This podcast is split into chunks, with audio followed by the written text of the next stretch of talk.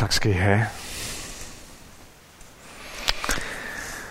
Vi fortsætter vores kig ind i apostlenes gerninger under det her, den her serie, vi kalder for en del af noget større. At vi er en del af noget større, det er at blive, det at komme til tro, det er at lægge sit liv i Guds hænder og sige, at Jesus, du skal være herre i mit liv. Det, det indebærer også at få øh, kraft fra Gud til at ændre fokus i sit liv. Forændre sit fokus fra mig selv og så på andre. Ændre mit fokus på og begynde at fokusere på dem, der, der ikke er en del af det her fællesskab. Mere end bare mig selv. Forændre mit fokus, så jeg, jeg ser andres behov mere end bare mine egne behov. Vi er en del af noget større. Og det er vigtigt at fokusere på. Så derfor så tager vi øh, i den her tid og frem til advent øh, nogle kig ind i apostlenes gerninger. Og øh, i dag der er øh, overskriften Guds kraft mere end programmer. Guds kraft mere end programmer. Og øh, jeg vil lige læse nogle vers fra øh, kapitel 11 i Apostlenes Gerninger. De, der var blevet spredt under den forfølgelse, der udbrød i anledning af Stefanus, rejste nu rundt helt til Fynikien og Kyberen og Antiochia, men forkyndte kun ordet for jøder. Men blandt dem var der nogle kyprioter og kyrenæere, som kom til Antiochia og også talte til grækerne og forkyndte evangeliet om Herren Jesus. Og Herrens hånd var med dem, så et stort antal kom til tro og vendte om til Herren. Rygtet om dem kom menigheden i Jerusalem for øre, og de sendte Barnabas til Antiochia. Da han kom dertil og erfarede Guds nåde, blev han glad og formanede alle til at holde sig til Herren med beslutsom hjerte. For han var en god mand, fyldt af helion og tro. Og en stor skare blev vundet for Herren. Barnabas tog så afsted til Tarsus for at opsøge Saulus, og da han havde fundet ham, tog han ham med til Antiochia. Og så var de sammen et helt år i menigheden og underviste en stor skare. Og det var i Antiochia, at man første gang kaldte disciplene kristne.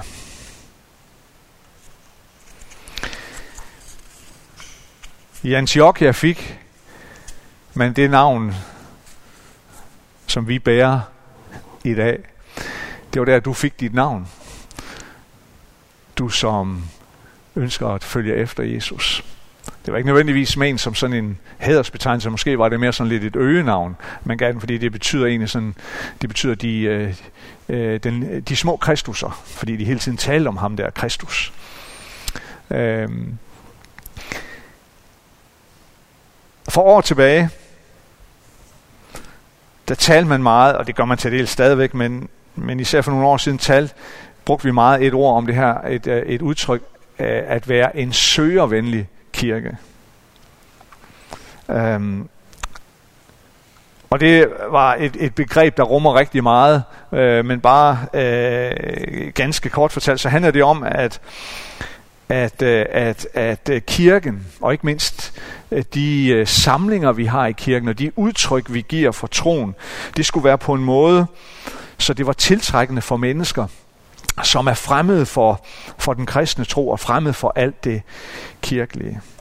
Øhm, altså det handlede, handlede meget om, og nu karikerer jeg selvfølgelig, øh, men handlede lidt om at, at, at se kirken og det budskab, vi har, som en, som en vare, der skal fremstilles øh, så attraktivt, så tillokkende som overhovedet muligt. Øhm, lidt ligesom det her med en vare på hylden i supermarkedet. Øhm, hvordan får vi vores morgenmadsprodukt til at være den mest attraktive blandt en hel hylde af morgenmadsprodukter? Hvordan gør vi så, det er lige præcis vores produkt, at folk øh, tager ned i kurven? Øhm, det er sådan, hvis man øh, karikerer lidt. Men, men, men det gode og det vigtige i det her, det er også, at, at, at, at at øh, forstå, at vi så let som kirke bliver sådan en subkultur. Som mennesker, der ikke er en del af den her subkultur, kan have svært ved at gribe og svært ved at forstå og svært ved at finde relevans. Så det her med at være søge og venlig, det har en vigtig, øh, det er et vigtigt spørgsmål, øh, man stiller. Jeg, jeg vil sige med det samme, jeg har fundet stor øh, inspiration i den måde også at tale om kirke, den måde at, at vi taler om vores tro sammen på. Hvordan bliver vi bedre til det her? Øh, det har jeg stor forståelse for, og det har givet mig meget. Men jeg må også bare indrømme, også øh, som tiden går, så, så bliver jeg selvfølgelig også opmærksom på, at der er, en, der er en udfordring i det her. Der kan være en, en fare i det. Der er i hvert fald en risiko for, at man kommer til at glemme noget. Og der er altid en risiko ved, at øh, når vi forsøger at gøre noget, hvor vi, hvor vi ligesom, hvor vi gør troen til sådan et, et, et, fordru, et forbrugerprodukt, at vi er forbrugere.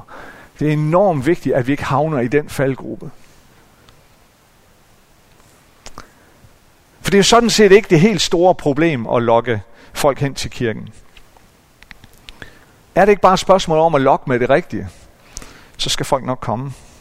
Men spørgsmålet er, møder de så Gud, når de er her? Der er nogen, der har sagt det på den måde, hvis vi, hvis vi bare lokker det med de tre F'er, så skal folk nok komme. Fun, food and feast. Eller sagt på dansk, øh, fis, føde og fest. og det er jo alt sammen, det er alt sammen gode ting. Ikke et ondt ord om det. Men vi må bare stille os selv spørgsmålet. Kommer folk i berøring med Guds livsforvandlende kraft, når de så er her? Eller bliver de her tre F'er formålet i sig selv, eller målet i sig selv? En kirke, som fylder alle stolesæderne hver eneste søndag, er ikke nødvendigvis en kirke, der oplever Guds nærvær og kraft.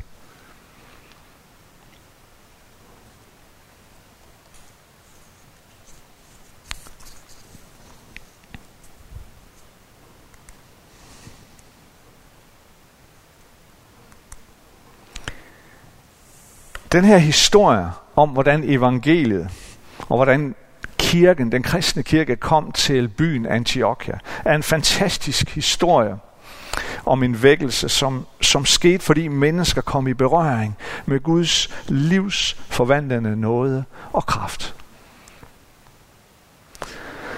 Antiochia var en kæmpe stor by efter datidens forhold.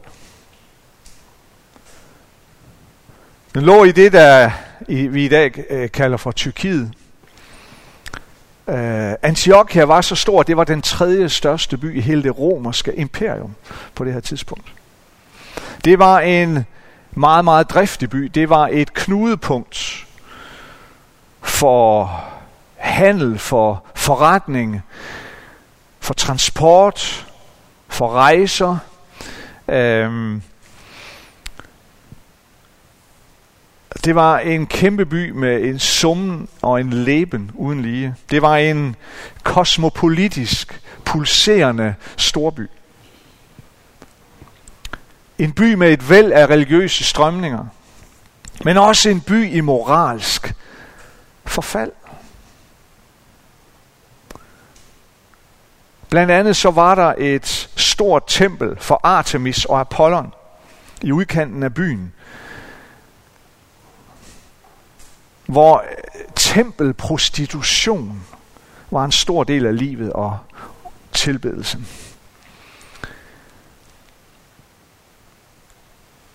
I den her pulserende by Antiochia kommer der nogle kristne. De var på grund af forfølgelse i Jerusalem flygtet. Den her forfølgelse, der opstod efter, at Stefanus Øh, han, blev, han blev stenet på grund af sin tro på Jesus. Det kan vi læse om i Apostlenes Gerninger, kapitel 7-8 stykker. Så opstår der en, en forfølgelse, og, og mange af, af, af de her første kristne flygtede øh, til andre og fjernere egne. Og, øh, og der kommer så også nogen til Antiochia. Og de begyndte så at gøre det, der var det eneste rigtige, og det allermest naturlige for dem. De begynder at fortælle de mennesker, de mødte, om Jesus. De begynder at fortælle, som det mest naturlige ting af alt, hvordan mødet med Jesus har forvandlet deres liv.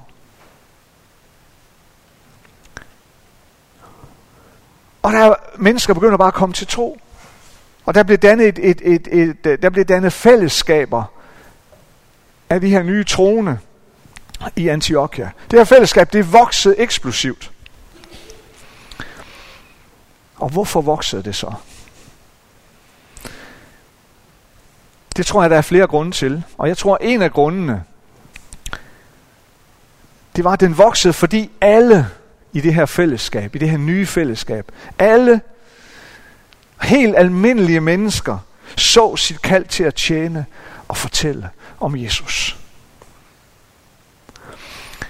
Det er, lidt, det er lidt interessant, at Lukas, som jo har skrevet apostlenes gerninger, fortæller ikke noget om, hvem det er, der kommer til Antiochia og begynder at fortælle om evangeliet og begynder at fortælle om Jesus. Der bliver ikke nævnt nogen navne. Vi ved ikke, hvem det var. De var navnløse. Og jeg tror, det må selvfølgelig stå for min egen regning, men jeg tror, at Lukas' pointe med ikke at nævne navnene på dem, der var de første, der begyndte at fortælle. Det var, at Lukas vil fortælle os netop, at det var helt almindelige mennesker. Helt almindelige mennesker, uden nogen platform, uden nogen forudsætninger. Helt almindelige mennesker uden nogen form for ministry, eller noget ønske om at have en ministry. Helt almindelige mennesker. De var på flugt, og så kommer de til Antiochia. Og man kunne bede dem holde mund med mangt og meget, men man kunne ikke lukke munden på dem om Jesus.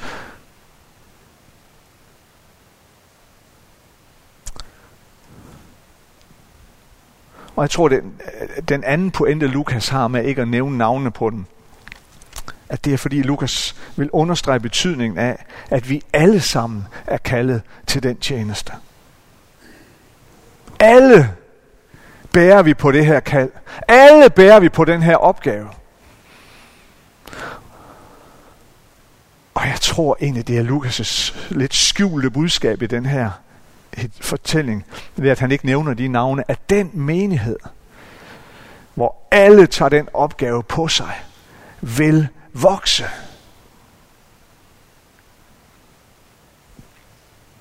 Der er en grund til, at vi her i menigheden har besluttet for nogle år siden, at en af vores øh, pejlemærker, som vi kalder det, en del af vores vision i kirken, det er, at vi siger, her i huset tjener vi, vi bidrager ikke kun.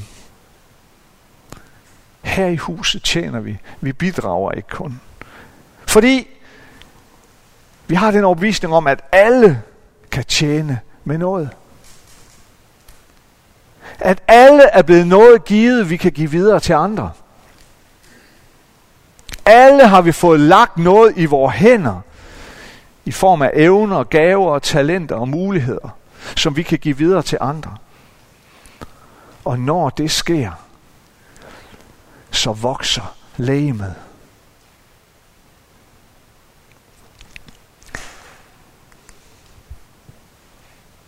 Jeg tror en anden årsag til, at kirken i Antiochia voksede så hurtigt og så voldsomt, det var fordi, at i de her samtaler mellem mennesker, som opstod, de her samtaler, som blev mellem mennesker, der lød kaldet klart og tydeligt, at evangeliet, det er Guds kraft til at tilgive og frelse de fortabte. Det budskab var meget klart og meget tydeligt i samtalerne mellem mennesker. Og i en by med så en sådan pulserende og på mange måder umoralske livsstil, så var det nødvendigt med et klart og tydeligt kald til omvendelse. Og her lød det tydeligt, tror jeg, i samtalerne mellem mennesker.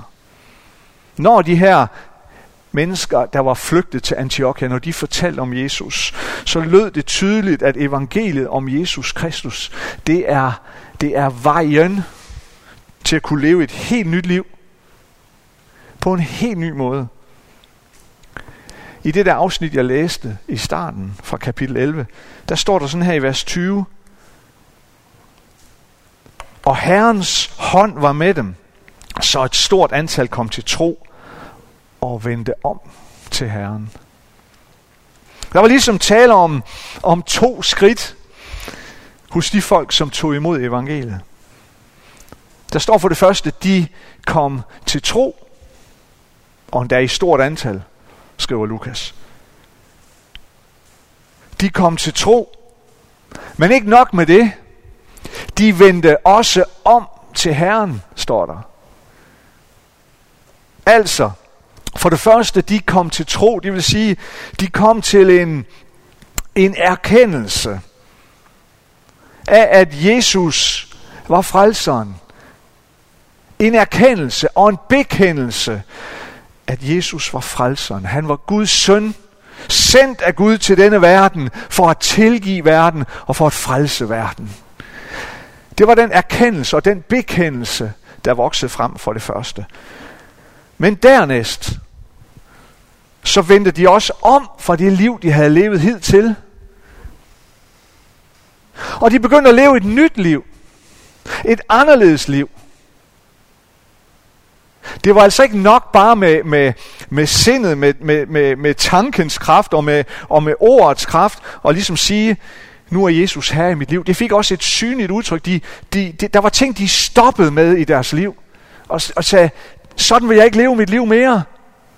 Nu vil jeg leve mit liv sådan her. Den her kurs vil jeg ikke have mere. Nu vil jeg have den her kurs i mit liv. Et stort antal kom til tro, og de vendte om til Herren. De fik simpelthen kraft. Helligåndens kraft. Ved troen på Jesus.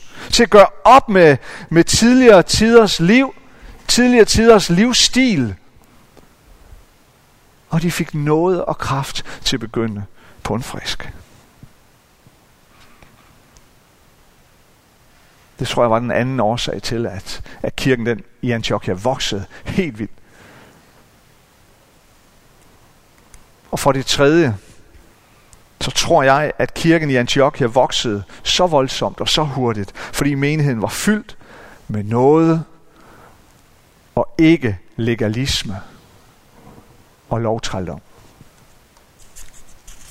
Fyldt med noget frem for legalisme. Hvad var det, der skete, da nyheden om vækkelsen i Antiochia, den nåede til Jerusalem? Til de første apostle, som jo var blevet der, uden at flygte, som var blevet der for at, at passe på og styrke den første menighed i Jerusalem. Da det kom dem for øre, hvad det var, der skete i Antiochia. Man kan næsten forestille sig, hvordan de her første apostle, de har uden tvivl samles. De har holdt nogle møder, det kan jeg love jer for, da de har hørt det her. Da de hørte om, hvad der skete i Antiochia, den her kæmpe store kosmopolitiske, multireligiøse og umoralske by. Da de hører om, hvordan store skare af mennesker, og for de fleste vedkommende jo ikke jøder, kommer til tro der i Antiochia. De har uden tvivl mødtes og snakket om, hvad i alverden er det, der sker. Har I hørt det? Hvad har du hørt? Hvad har du hørt? Hvad har jeg hørt? Og så gør de det, at de beslutter sig for at sende en mand til Antiochia. De sender Barnabas fra Jerusalem til Antiochia. For, på, øh, for selv at finde ud af, for at få styr på, hvad er det egentlig, der sker i Antiochia. Og det er jo her, det er jo her, at kæden kunne være hoppet af. Det er her, det kunne være gået meget anderledes. Det kunne jo være sådan, at da Barnabas var kommet til Antiochia, og så, hvad der skete der, at, at, han, at han, så, han så sagde, hov, hov, stop lige en halv, det her, det, det går slet ikke. Det går slet ikke. Alle de her mennesker, der kommer til tro, og de er ovenikøbet ikke jøder, og de er meget anderledes, end vi er i Jerusalem. Og de udtrykker troen på en anden måde. En anderledes måde, end, end hvad vi hidtil har set. Nej, det går slet ikke det her. Men sådan er Barnabas heldigvis ikke. Sådan er Barnabas slet ikke. Lukas skriver om ham, og det er fantastisk, at vi lige får den her lille, den her lille sidebemærkning med fra Lukas om Barnabas. Han skriver, at han var en god mand, fyldt af helligånd og tro. Så da han kommer til Antiochia og ser, hvad det er, der sker, får lov at snakke med alle dem der, der er kommet til tro, eller mange af dem, så, så bliver han enormt glad. For han oplever, at Guds nåde er i det. Og da han kan fagne det, da han kan velsigne det, så kommer der endnu flere til tro. Og så rejser Barnabas videre til byen Tarsus for at finde Paulus. Og sammen rejser de to så tilbage til Antiochia for at undervise alle de nye troen der i den, i den her menighed, som voksede så eksplosivt. Øhm, der var selvfølgelig stort behov for hjælp og omsorg og ikke mindst undervisning. Øh, og Paulus og Barnabas, de bliver sammen i Antiochia i et helt år og hjælper menigheden der. Prøv at se, hvilken vigtig rolle Barnabas han spiller i det her. Da han, da han erfarede Guds nåde, står der, der blev han glad, og han velsignede det, han så. Han lod, hvis han overhovedet havde haft noget, han lod enhver form for legalisme blive hjemme i Jerusalem. Og i stedet så fagnede han det nye, han så. Straks, da han erfarede, at det, der sker her, det sker ene og alene på grund af Guds store nåde.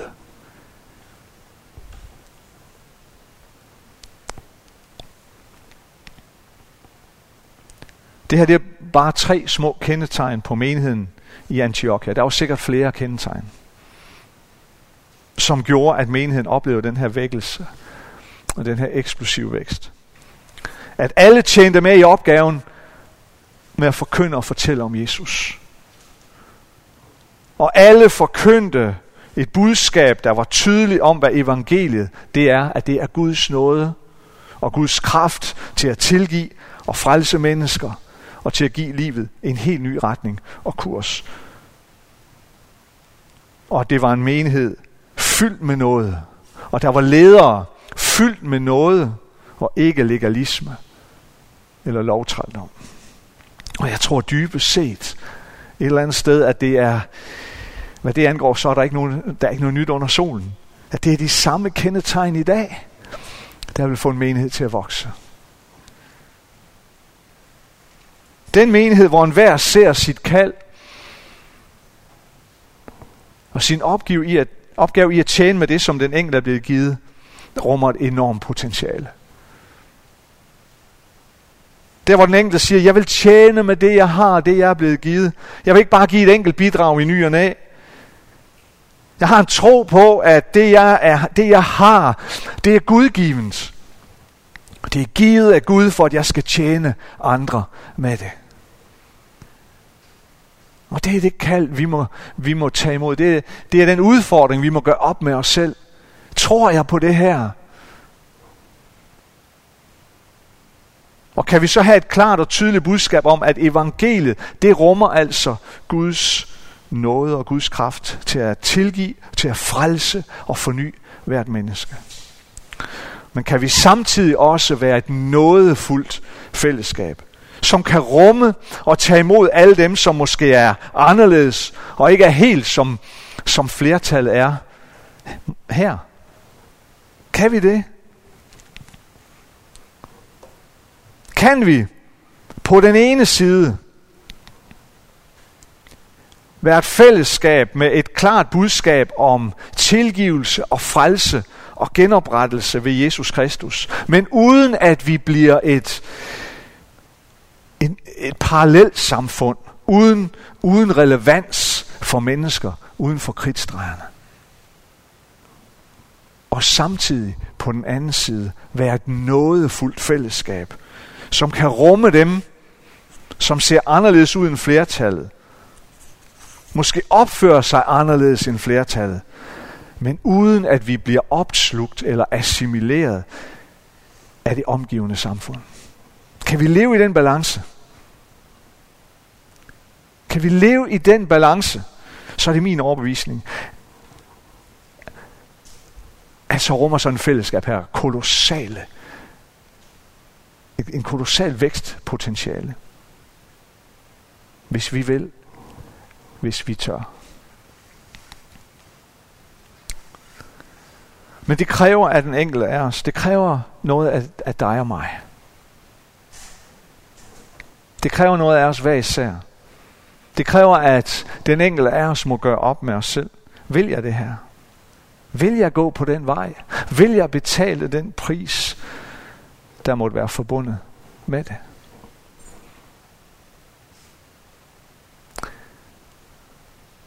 Jeg tror dybest set ikke, der er så forfærdelig meget nyt under solen i forhold til det, der skete i Antiochia. Og så det, der kan komme til at ske her i Aalborg i 2022, snart 23. Kaldet og udfordringen er den samme. Og evangeliet er det samme. Kraften er den samme.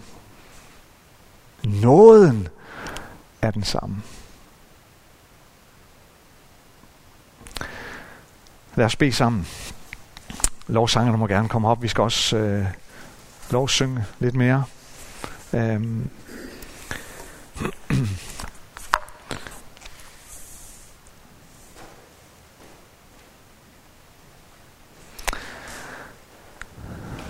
Lad os bruge nogle øjeblikke, hvor vi, øh, hvor vi beder sammen, hvor vi er stille.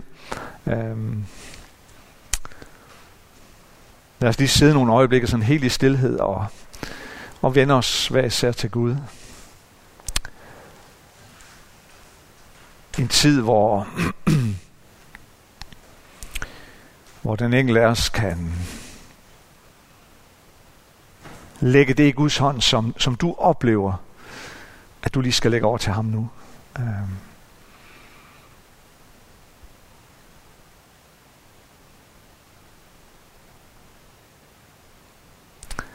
Det kan være, at Gud kalder dig til.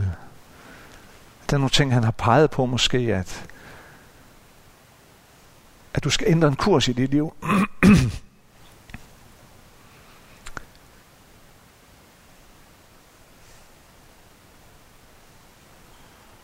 Der er bestemt ikke noget galt i at ændre kurs i sit liv, når man oplever, at Gud kalder en til det. Tværtimod, det er godt. Og det der er det forunderlige med Gud, det er, at, øh, at når man når man ved det her, når man beder ham om det, så vil han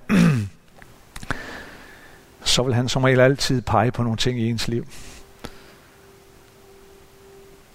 som han gerne vil justere på.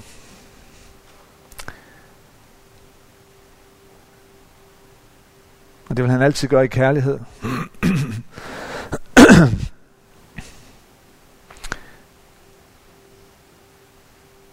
Og oplever du det, så tag det som et hædersbevisning. Det er fordi Gud vil dig. Fordi han tror på dig. Og fordi han slet ikke er færdig med dig. Det kan også være noget helt andet, du har brug for at, at sige til Gud, eller bede ham om. Lad os bare lige sidde stille nogle øjeblikke.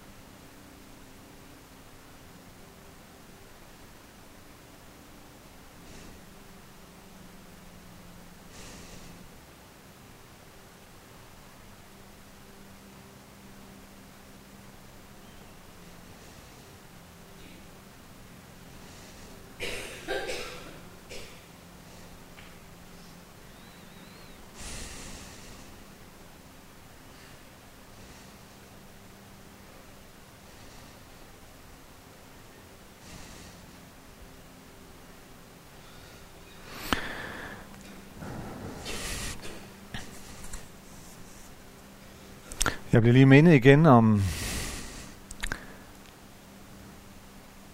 det, som Edith sagde om den mørke tid, vi er på vej ind i, men at Gud er lys. Og øh,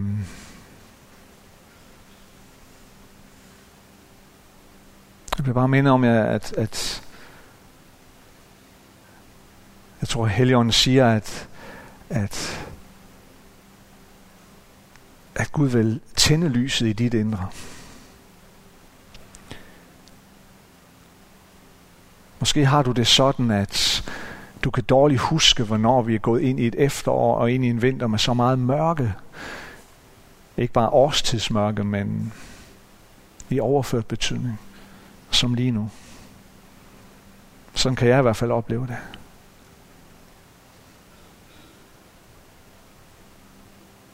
At du orker næsten ikke at tænke på det næste mørke, eller hvor mørkt det egentlig er med krigstrusler tæt på os, og større og større spændinger i vores verden, og det rykker tættere på. Krise, der rammer økonomien, og Måske orker du næsten ikke engang at tænde for dit tv for at se nyheder, eller eller læse nyheder på din telefon eller din avis, fordi at, at du bliver bare deprimeret, du bliver ked af det, og du bliver trukket længere og længere ned i et mørke. Jeg vil bare minde om, at jeg tror Gud er her for at møde dig og mig lige i den her situation. At han vil tænde lyset i dig.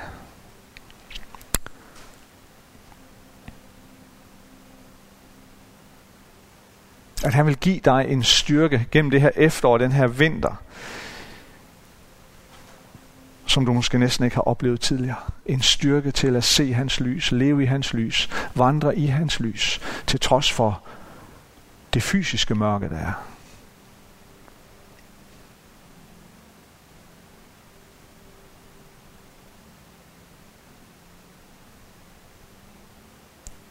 Ordet siger til os, at når vi hører om alle de her ting, så skal vi løfte vores ansigt, vi skal løfte vores blik, fordi vores forløsning nærmer sig, siger skriften.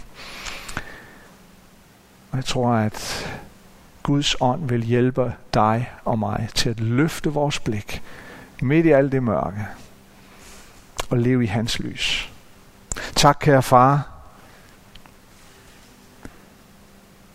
Tak, Jesus, at du er lyset, som mørket aldrig får bugt med.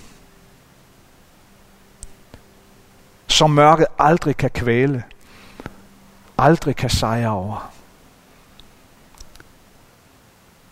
Du er det lys, som oplyser den mørkeste krog, det tungeste sind, det mest beklemte hjerte. Hjælp os til Jesus og giv os noget og kraft til her i dag, at vi må gå ud en ny uge og, og hverdagen i det hele taget med et lettere hjerte, et lettere sind og et mere løftet blik end tidligere. Fordi vi er iklædt dit lys. Hjælp os til at se og forstå og leve i den overbevisning, at dine tanker for os og dine planer for os er langt større, langt stærkere og langt lysere end det mørkeste mørke.